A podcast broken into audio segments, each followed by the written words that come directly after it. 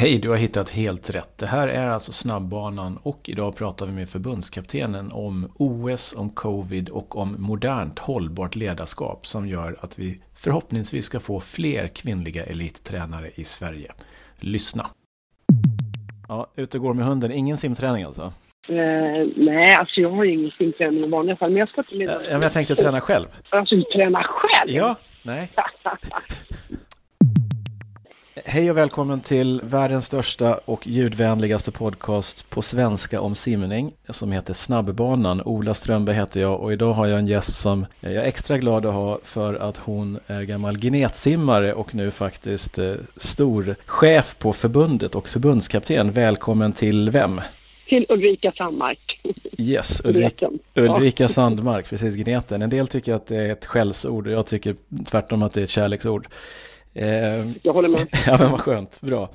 Eh, Jag har egentligen två olika delar som jag tänkte prata lite om. Dels är det den här förbaskade covid-delen och hur det påverkar olika saker och sen även hur du ser på hur man kan få in fler kvinnliga ledare och tränare i simningen. Men om vi börjar med den, den tråkiga delen, Corona och OS-året 2020 som blir OS-året 2021.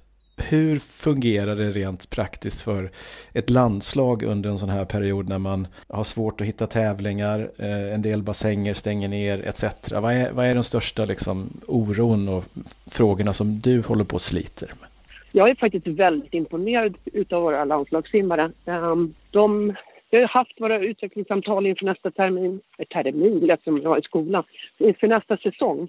Eh, och eh, alla är liksom på tå och motiverade och coacherna också. Eh, De gör ett fantastiskt jobb tycker jag. Men det är klart det här med tävlingar. Eh, Det blir inga tävlingar och tävla behöver man ju göra om man ska vara bra på att tävla. Jag är glad dock att vi, våra fyra, kanske främsta simmare som var iväg på ISL och tävlade, de fick en ordentlig genomkörare. Så att, eh, men eh, vi har kunnat träna hela tiden.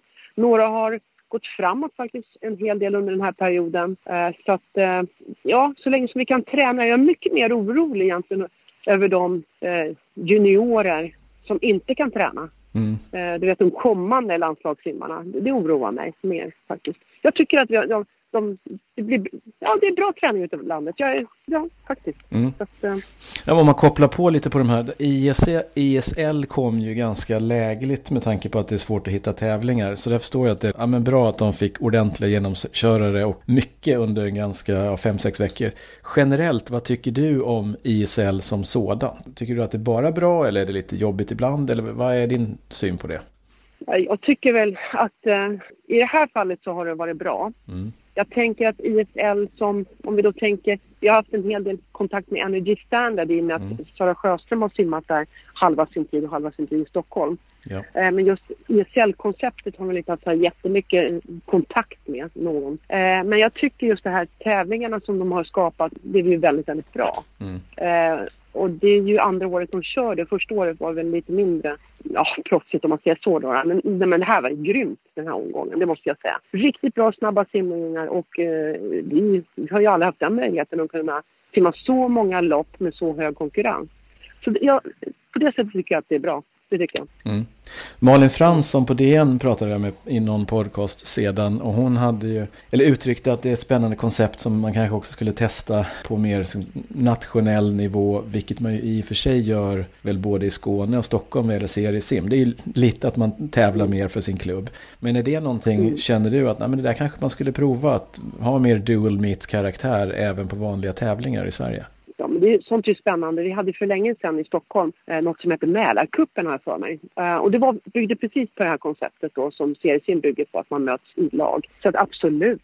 Mm. Vi har ju Dennis Fredriksson i Svensk Simning nu som jobbar med att utveckla våra tävlingar. Så att, eh, jag vet att det finns en hel del tankar om hur man skulle kunna göra saker. Men vi har inte riktigt... Nu, det, här, det här året har det ju blivit så att vi Mm. bara har fått hålla på att göra om saker och eh, göra annorlunda. Men Krishantera. Ja, ingen utveckling alls va? utan eh, vi, vi, att det är någonting som kommer i framtiden mer och mer, det, det är jag övertygad om. Mm. Det, det, det är roligare för alla, tänker jag. Du nämnde också det här med barn och ungdom och risken med att inte kunna träna ordentligt.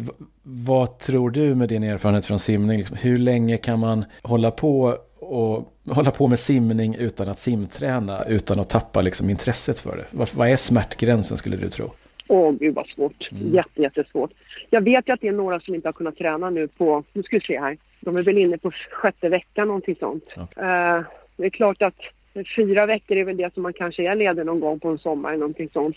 Mm. Uh, är man borta två månader så, ja, jag tror, jag tror ändå liksom att de kommer kunna hålla motivationen uppe. Vi har otroligt många skickliga coacher ute i Sverige. Eh, och vi från simförbundet har också försökt hjälpa till med lite olika alternativa träningssätt. Men det är klart, du vet ju du som simmare så behöver man ju vatten. Ja. Men det är jättesvårt att säga vad smärtgränsen går. Jag tror det är extremt eh, individuellt. Det tror jag. jag tror vissa, vissa kommer ju hitta, när det är så här så är det ju vissa som hela tiden hittar nya saker som de kan utveckla. Medan andra kanske ger upp. Mm. Så är det ju. Ja, nej men det är nog väldigt individuellt. Det som är intressant tycker jag lite är att man såg några man lite koll på det som hände borta i USA där de ju faktiskt har varit utanför bassäng eh, ännu längre. Mm. Eh, och där är det ju ändå ganska många som simmar otroligt fort nu när de väl börjar tävla. Mm. Och, och, har i princip knappt ja. varit i bassängen.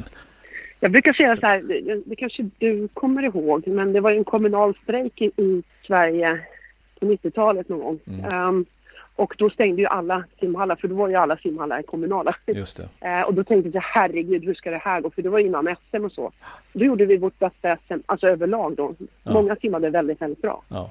Så att det beror lite grann på vad man gör av tiden och eh, hur man håller sin, sitt huvud igång liksom med, med sin målsättning. Mm. Det finns ju kapaciteter som man kan jobba och utveckla på land såklart, självklart. Just det. Och sen så kanske man har en alltför hög tro till att man faktiskt måste vara i vattnet för att behålla vattenkänslan. För det är ju nästan bara simmare som ser det på så sätt, tror jag.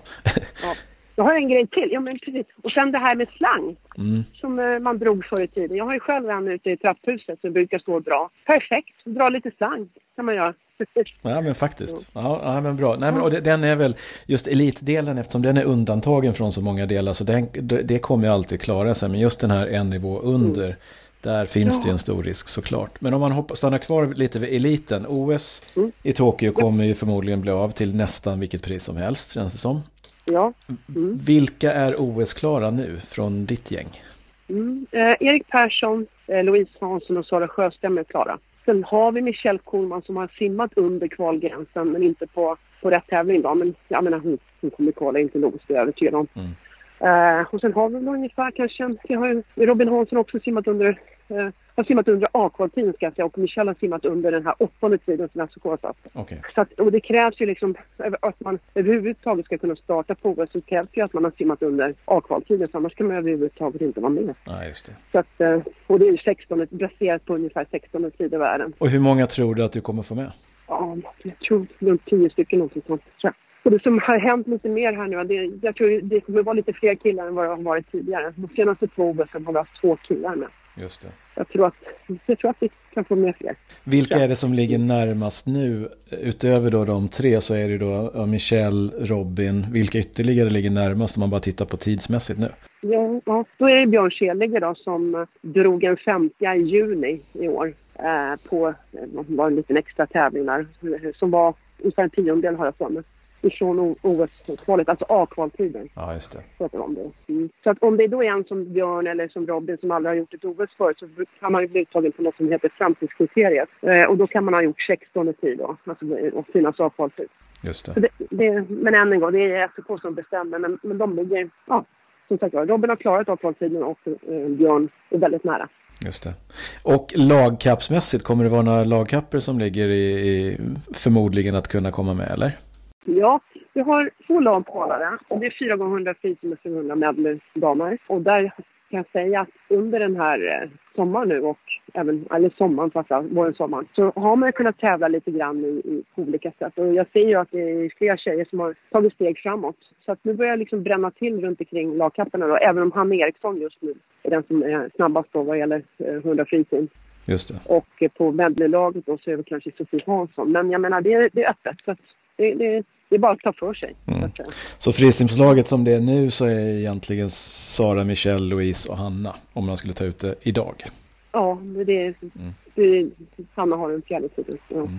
Och vad, när, du, när du tittar på när du är nöjd efter ett OS, hur mycket tittar du på prestationerna individuellt och hur mycket tittar du på prestationerna gentemot de andra, det vill säga placeringar, medaljer och liknande?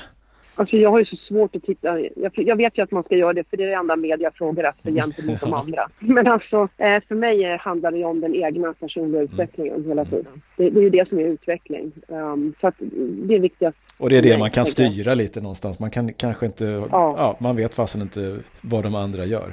Nej precis, nej men det kan man Sen vad det gäller killarnas lag då. Alltså tjejerna kommer inte simma 4 gånger 2 då. Det, det, gör vi inte nu. Men jag hoppas däremot att vi har ett lag på EM och att det är många lite yngre tjejer som har tagit chansen att simma snabbt på 200 frisim. Så vi kan bygga mot framtiden. Men killarnas lag eh, hoppas vi att vi ska kunna simma då på EM. Eller hoppas jag, om det blir en. Ja, eh, att vi har de snabbaste killarna på plats där på EM. Får se, då finns det en chans. Det finns ju fortfarande fyra lag, alltså fyra platser som man kan bli uttagen på OS då. Så finns det chans. Och hur, hur snabbt måste de simma som ett lag då? Ner mot 7-10 eller vad, vad ligger det där? Och jag har inte hur, tiden Men fort, ett par sekunder under svenska rekordet förmodligen antar jag. Ja, jo, jo. Så är det ju. Mm. Alltså, det, även om vi har, tar en av de här fyra platserna så är det ju, även om jag säger att oh, jag vill hemskt gärna ha med dem så är det ändå SOK som bestämmer om de ska få komma med till, eh, i slutändan. Så ja, du vet ju. Ja, hur det funkar. Mm. Mm. Mm. Men sen har vi mixlag också, det, det, får vi inte glömma. Mixlag. På OS också? Vi simmar mixlag. Ja, ah, eh, 300 medley. Okej. Okay. Mm. Ja. Första gången. Så att vi, eh, vi ska simma det på EM i alla fall. Så får vi se. Och väljer man helt själv hur man vill disponera det eller? Ja, det gör man. Och ja. i början så såg vi att det var många länder som valde att sätta eh, killarna på de två första sträckorna. Men nu börjar det bli annorlunda okay. hur man tänker. Och det har väl att göra med, med eh, ja, vågor och allting sånt. Ja, just det. Tänker mm. Finns det många olika alternativ på det för Sverige eller finns det få, om man säger så? Här ska man fråga Gustav Högfeldt, för han har räknat okay. ut alla olika varianter. ja, kanske ska intervjua honom. Ja, precis. Ja, så är det. Ja, han, är, han, han pluggar väl eh, till ingenjör också, gör han inte det? Ja, precis. Ja. Nej, nej, nej, nej det gör han inte nu. Till läkare. Ja, till läkare, okej. Okay. Ja, ja, men har tillräckligt hög intellektuell förmåga det också. Absolut, han har ett helt papper fullt. Ja, men vad bra. Mm. Vad tror du om man tittar på, på OS, hur tror du att det kommer genomföras? Det, din gissning är så god eller dålig som någon annan. Vad, vad, känner du här och nu liksom? Ja, man har ju pratat om modifierade spel mm. uh, och uh, då ser jag för mig att det inte är någon publik. Jag ser för mig att man uh, är jag tänker på den här jättematsalen, det måste ju vara ordnat på något annat sätt. Och sen att man, man måste liksom hålla länderna i olika bubblor på något sätt. Uh, man har inte pratat om att det ska vara någon, eller man har inte pratat om, man vet ju ingenting om hur det blir, men karantän har man inte sagt någonting om. Och det är väl bra det, det är jobbigt att fixa. Ja. Uh, jag ser Ja, men ungefär så. Det, det, är svårt. Jag blev så förvånad när de sa att inte alla flyg ska genomföras. För då var det ju ganska illa också eh, Eh, med coronan. Men eh, det känns ju bra. Vi jobbar på mot det helt enkelt. Och även EM då verkar ju, har jag hört, eh, att de är ganska säkra på att det genomförs. Så för oss handlar det om att behöva, vi måste behöva komma igång och tävla under ett. Ja, exakt. Och svenska Swim Open, kom, är planerna där, det, det, som det är nu så ska det genomföras. Hur stor sannolikhet är det att det kommer det? Känns det nära 100 på något sätt eller är det 50-50 eller vad känner du där? Alltså jag tror att det kommer genomföras men kanske inte på det sättet som det är tänkt annars. Jag vet att den har både A, B och C-scenario. Ja. Eh, med då A som, som vanligt liksom. Fast det, det, det är redan lite neddraget nu på antal simmare. Okay. Eh, men eh, C-varianten är någon inhemsk, ja, bara svenska helt enkelt då. Mm. Så att jag, det är ändå april så jag, jag, tror att vi kommer kunna göra det. Ja, det. det tror jag. Mm. Ja men vad, vad spännande. Men eh, OS, vi lämnar OS-delen lite och sen hoppar vi in på, på framtiden och ledarskap och liknande. Hej, nu hoppar vi in på del två av intervjun med Ulrika Sandmark. Nu kommer vi prata hållbart ledarskap. Det är viktigt som tusan. Lyssna och lär. Eh, du, jag pratade med en kompis igår lite och sa att jag skulle prata med dig om kvinnligt ledarskap. Och då fick jag en fråga tillbaka och sa varför ska du inte prata om ledarskap? Och det var en bra mm. poäng. Eh, att, mm. inte ja, de, att inte definiera det som kvinnligt eller manligt. Men Nej. visst är det väl så att du och några till eh, är involverade i ett projekt som SOK driver kopplat till att få fler kvinnliga tränare och ledare? Det stämmer. Alltså det är pinsamt på den högsta nivån att det är så otroligt få kvinnor som är eh, ledare, coacher. Ja, och när ni tittar på det och jobbar med det, har ni börjat identifiera varför det är så ännu? Eller är ni igång med det? Eller vad, vad ligger status där? Vad, vad, är din syn på det? Ja, vi har ju hållit på ett tag nu, men det går lite långsamt. Men, eh, vi, jo, vi har tittat på det, men det är en väldigt komplex fråga. Um, det beror på olika saker. Det finns eh, något som faktiskt heter 20-årsdroppet. Mm -hmm. eh, ledare, bland ledare när, när tjejerna försvinner som ledare eller tränare. Eh, jag vet inte exakt vad det beror på men, men då slutar de och det kan vara bero på studier till exempel, att man kanske börjar plugga. Mm. Man kanske inte har sett liksom, eh, det här med att vara tränare som ett uh, yrke på något sätt framöver. Har gamla strukturer där man kanske tittar mer på det som, står, som männen står för i sitt ledarskap. Mm. De flesta då, nu pratar jag generellt. Mm. Det, det är precis som din kompis sa där, Alltså egentligen finns det inget kanske manligt och kvinnligt ledarskap så, utan det är, det är ledarskap. Men mm. att vi saknar, saknar kvinnor på den högsta nivån, det kan vi alla vara överens om säkert. Ja. Eh, så att, eh, men, men det kan vara strukturen, inbyggda strukturen att man när man skriver en anställning eller en arbetsbeskrivning, att man kanske skriver på ett sådant sätt att eh, det inte blir intressant för en ung kvinna som kanske framöver ska eh, skaffa barn och så vidare. Att det, det, det är liksom så pass mycket tid det ska läggas ner och det vet vi, det måste man göra inom eliten. Men, men jag tycker personligen att vi i simningen dels kan jobba mer i team mm. och sen också att vi um, faktiskt uh, kan ge lite större ansvar till den egna individen. Mm. Eh, vi, är ju, vi måste alltid vara där på något sätt. Och då, det är klart att då kräver även eh, individen att vi alltid är där. Ja. Men eh, om man skulle kunna tänka lite annorlunda kanske man skulle kunna få in både hållbarhet och att en kvinna som kanske då ska, ska bilda familj och så vidare. Det är fortfarande mest vanligt, mm. även om det håller på att förändras, att kvinnan är hemma med barnet i början. Ja. Um, men att man liksom gör plats för att man kan verka som kvinna i en verksamhet, liksom, att det funkar. Och att man ändå kan ta hand om sin familj. Kommer det att accepteras av simmarna? Alltså i slutändan så har ju inte de något val. Om, man ska, om, om vi verkligen ska göra en förändring här så tror jag att du är helt på mm. rätt väg. Att man måste göra det mer hanterbart för alla egentligen yngre att vilja vara tränare. Oavsett om man är kille eller mm. tjej. Mm. Men tror du att simmarna eh, kommer att acceptera det där? Man tar mer ansvar och inte ha någon som står och typ håller den i handen varje träningspass? Nej, det kommer de inte göra. Det vet jag att de inte gör. Mm. För det är ju så att då måste vi ju börja med dem de är lite yngre. Så ja. man måste smyga, smyga in det här ansvaret mm. och utbilda dem i vad det är eh, det, det, man gör när man tränar och så vidare och varför man gör vissa saker. Men jag tror ju att om man, man börjar vid en viss ålder och när man känner att här kan det börja, så, så, när man är äldre då så ska man kunna klara av det. För jag menar, varför skulle inte vi kunna det när man gör det inom andra idrotter? Det är ju många idrotter där. Jag höll ett föredrag en dag för några kanotister och sa de så här till mig efteråt. Har ni en tränare på varenda pass? Ja, det har vi. Ja, vi har aldrig tränare nästan. Och jag menar, det, så, så kan vi ha det nu, filmen kanske. Inte, vad vet jag, men mm. någon gång sådär. Mm. Men, men accepteras inte nu, det vet jag. För, för jag har diskuterat lite med simmare om det här. Och, och, då är man ju van vid att det alltid ska finnas en tränare. Och då, och då tycker man också att det känns som att tränaren inte är engagerad om den inte är där. Mm, men det är inte det jag menar. Jag menar liksom att man, man måste ha ett hållbart ledarskap. Eh, det är alldeles för många som bara jobbar fyra år, alltså en OS-cykel och sen slutar. Ja. Alldeles för många. Finns det ett motstånd bland tränarkadren också för att man vill vara oumbärlig och den som alla simmarna tyr sig till och att man har makt om man man säger så i citat där? Eller är tränarna beredda att de ser det på ett annat sätt? Jag tror att eh, man behöver prata mycket mer om det här. Jag, jag, tror att det finns vissa tränare som är beredda att se det på det sättet mm. och andra inte. Mm. Eh, så där tror jag också att man, det, det behöver man nog prata om hur man ska lösa den biten helt enkelt. Men, men jag skulle gärna se, jag har ju tyvärr varit med om så många duktiga tränare, coacher som eh, har slutat alldeles för tidigt. Um, och det, det är jättetråkigt tycker jag. Um, så att, uh, nej, det måste finnas en... För el, klart, elitidrott kräver ju jättemycket tid, både utav en, en aktiv och en ledare, men det måste kunna vara lite mer hållbart än vad vi har idag. Det tycker jag. Mm. Nej, jag, jag håller med. Men och tror du när, ni har tittat på det inom det här projektet, vad, har ni tittat någonting också på vad man behöver göra mer än att strukturellt kanske hitta förändringar men också se på vilka är det som faktiskt behöver få insikt och kunskap? Är det tjejerna som måste förstå vad som krävs eller är det männen som måste förstå vad som krävs för att faktiskt ändra sig och vara inkluderande? Säkert både och, men oftast mm. så är det ju så att man riktar sig till kvinnorna och så mm. ger man kvinnorna den informationen. Men Precis. Min tanke är, och jag vet att eh, några förbund har börjat med det också, att man, man har någon typ av föreläsning först om det här med, med hur det verkligen ser ut. Med de här normerna som finns. Vi har ju en forskare som heter Jenny Svender som har gjort en avhandling runt omkring det här. Eh, och eh, det finns väldigt många andra duktiga som kan hålla liksom, en föreläsning om det här för att se hur ser det verkligen ut. Eh, och sen att man då får den utbildningen så att säga och sen eh, börjar jobba i sina egna eh, förbund eller klubbar. Mm. Så är tanken då. Så vi har ju påbörjat det med en föreläsning, haft diskussioner eh, runt omkring det hela. Eh, men vi har inte involverat eh, männen ännu då. Mm.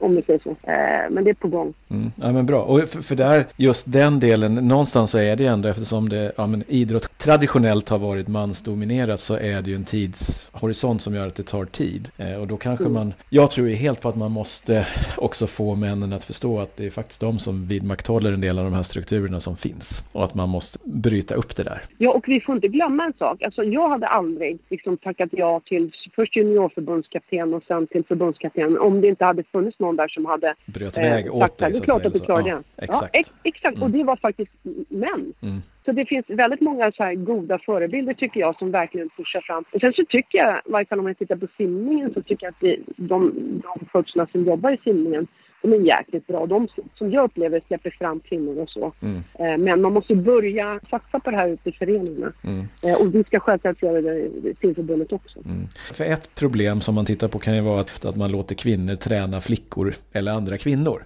Eh, Det är väldigt sällan som man, släpper fram en elittränare kvinna för att träna ett herrlag. Och på så sätt så borde ju faktiskt simningen vara lättare eftersom det är blandade grupper. Man delar inte upp tjejer och killar. Så det borde vara lättare på så sätt faktiskt. För din egen del, det finns ju, förebilder är ju extremt viktiga. Du är ju en förebild som har lyckats, eh, om, om så är det ju. Du är förbundskapten, Eh, tittar man på friidrotten, Karin Torneklint också förbundskapten. Känner du att man kan använda det mer? Alltså er som så här, ja men titta, det går. Man behöver inte vara eh, annorlunda utan man kan vara normal och bara vill tycka att det här är jäkligt spännande och kul om man lyckas komma så högt man kan inom det den Mm. området. Kan man använda det mer på något Alltså- sätt eller? Ja, absolut. Jag, jag ringde faktiskt Hanna Westrin, Mm. ihåg kanske? Ja. Bröstsimmerska från Sundsvall. Ja. Duktig tjej. Hon eh, eller har varit då eh, moderat, hon är moderat fortfarande, men Mm. jobbat med hos Moderaterna. Och eh, jag är lite imponerad utav politiken. Där lyckas man ju få fram eh, kvinnliga ledare. Det finns ganska många kvinnliga ledare där. Mm. Eh, hur, hur har ni gjort? frågade jag. Då, då, då sa hon så här att ja, ehm, det är många som liksom, jag fick se hur vad hon sa.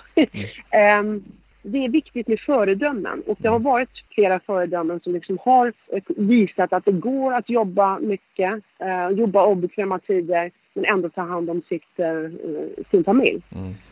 Så det är många som liksom postar på Instagram när de står vid spisen. Ja, jag Mm. säger inte att kvinnor måste stå vid spisen och laga mat. Men visar liksom att det går. Mm. Så jag tror att förebilder är väldigt, väldigt viktiga. Det tror Mm. jag. Och så tror jag mängd också. Att Mm. det behöver bli flera. Då, då liksom rullar det på på ett annat sätt. Men förebilder är väldigt viktiga. Mm. Och det är faktiskt så att eh, jag, eh, Martina Aronsson och Ann Forsell startar här under julen nu ett Instagramkonto som ska handla precis om det här. Ehm, Okej, Ja, jag vet inte, jag har inte pratat med de tjejerna om jag fick säga det här men... mm. eh, nu har du sagt det. ja, nu har jag sagt det. det är lite reklam bara. Ja, Ja, men det är väl bra. Precis, precis för att visa på föredömen inom olika idrotter. Ja, men bra. Nej, men jag, tycker om, jag tycker om alla er tre så det är bra. Ja, Ja. bra. Hej, och vad heter då det här Instagram-kontot som Ulrika pratar om? Jo, det heter Coached by a Woman. Coached by a Woman. Klicka in på Instagram och följ Coached by a Woman. Tillbaks till Ulrika. Förstår de som, de som bestämmer i styrelser och liknande, förstår de att det här är viktigt? Och är pole, har poletten trillat ner att vi måste faktiskt ändra strukturerna för att göra det möjligt för en ny typ av tränare att komma fram? Oavsett om det är kille eller tjej, men väldigt viktigt att få fler tjejer. Fattar man det? Jag tror att det är väldigt olika inom olika förbund hur man tänker runt omkring det. Det tror jag. Några ligger väldigt långt framme. Förstår man det i simningen? Uh, Det är en svår fråga för dig att svara på. jag får svara på. Eh, jag tror att man förstår det, men, Ja. men nu är det dags att börja jobba med det. Mm. Om du säger så. Jag fattar. Hur lång, tid, hur lång tid får det ta då? Det här? Alltså att man sätter det på agendan och gör upp en plan för eh, strategiskt hur det ska gå till. Liksom. Mm. Eh, det, bör ju inte ta, det behöver inte ta så lång tid. Nej. Men sen kan det andra arbetet kan ju ta tid. Mm. För att det är också det att eh, vi, vi behöver. Vi, vi, alltså, jag har suttit här nu och letat efter de här tjejerna som eh, finns i svensk simning och som har målsättning att eh, finnas med på allra högsta nivå. Och de är en hel del. Mm. Eh, så att nu, nu, har vi den 30 december så ska eh, alla OS-idrotter komma in med eh, namn på vilka tjejer de har inom sina förbund som skulle kunna finnas med i det här projektet som vi kallar Projekt Q. Då. Mm. Så då har jag redan ett antal namn då, eh, som jag tycker kan vara intressanta. Ja, men vad kul. Och, men om man mm. tittar på förbundsnivå, finns det någon plan för det från Svenska simförbundet? Den här frågan är strategiskt viktig för oss att jobba med. Det här är de aktiviteterna vi har, det här målen som vi har. Inte ännu, nej. nej. Inte ännu, nej. nej. Varför inte? Ja, precis. Uh, det, det, finns... Uh, uh, ja, ska jag ah, nej, inte ännu i varje fall. Nej. Gör inte. Mm. Kommer det finnas? Ja, det kommer finnas. Bra. Absolut. Ja, bra. För att eh, det är nu det börjar, tänker jag. Eller det borde ha börjat för länge sedan, men nu sätter vi fart. Bättre sent än aldrig. Ja. ja. Men en väldigt specifik fråga. Tror du på att kvotera in eh, kvinnor i vissa roller för att få fart på förändringen? Och då kanske jag inte pratar om tränare specifikt, utan kanske i de beslutande rollerna. Mm, mm. Jag tror ju inte på kvotering egentligen, jag inte. För att eh, jag själv känner att jag en gång blev kvoterad och då känner man sig inte riktigt som man är där på grund av eh, Egna meriter. sina meriter. Eller, nej, men precis. Men, men, ibland så kanske det krävs, det är möjligt. Men, men egentligen så gillar jag det inte. Um, men man måste ju börja någonstans. Mm. Vad sa du? Man vill helst inte att det ska behövas, men det kanske behövs i vissa fall. Ja, för, för att... Ja, på något sätt för att eh, spräcka en norm. Ja. alltså, att tänja ut den och, mm. och få människor att se så kanske det krävs. Mm. Så är det. det. Det är möjligt. Det här är intressant och vi kommer köra en liten uppföljning på det här så hålla lite eld i baken på dig och vilka andra det är inom förbundet mm. som kommer att driva det här. Är det okej? Okay? Ja, ja, ja, men det är jättebra. För som sagt vi kör igång med projekt Q här nu och då kommer allting sättas på sin spets till mm. slut. Bra. Du, en, en annan fråga. Du nämnde Martina Aronsson och Ann Forsell här och du. Eh, Ann har ju varit förbundskapten. Eh, ja. Ulrika har varit förbundskapten. Martina, är det hon som tar över när du eh, lämnar stafettpinnen eller? jag vet inte. Jag vet inte faktiskt. Men Martina och jag brukar träffas en del. Ja. Uh, och snacka om utveckling och ja, mm. massor med roliga saker. Ja. Och hur Hon är en otroligt duktig tjej. Ja, men det håller jag helt med om. Hur länge kommer du att köra som förbundskapten? Nej, men alltså det var ju tanken fram till OS. Att, mm. Och i och med att OS flyttades fram och jag, jag, tyckte så här att allting fanns på plats. Eh, vi har liksom pre-camp, vi har coachteamet, vi vet ungefär vilka simmare som kommer finnas med. Så tänkte jag då, då kör jag vidare till, till OS genomfört. Mm. Så. Och sen så, det är inte bestämt att du ska sluta men kontraktet är tills dess och sen får man se lite eller? Jo, nej, nej men alltså jag jobbar som förbundskapten i, i sju år nu så ja. att eh, det är dags. Okay. Det mm. Mm. Man ska inte vara för länge på, på ett ställe. Nej, en, ny, en, en ny röst. Ja, precis. Mm. Nya tankar. Mm. Ja. Mm, jag förstår. Ja, men bra, jag är jättenöjd. Är du nöjd? Ja, men vad bra. Ja, fast jag svamlar ju lite ibland. Så att jag vet inte.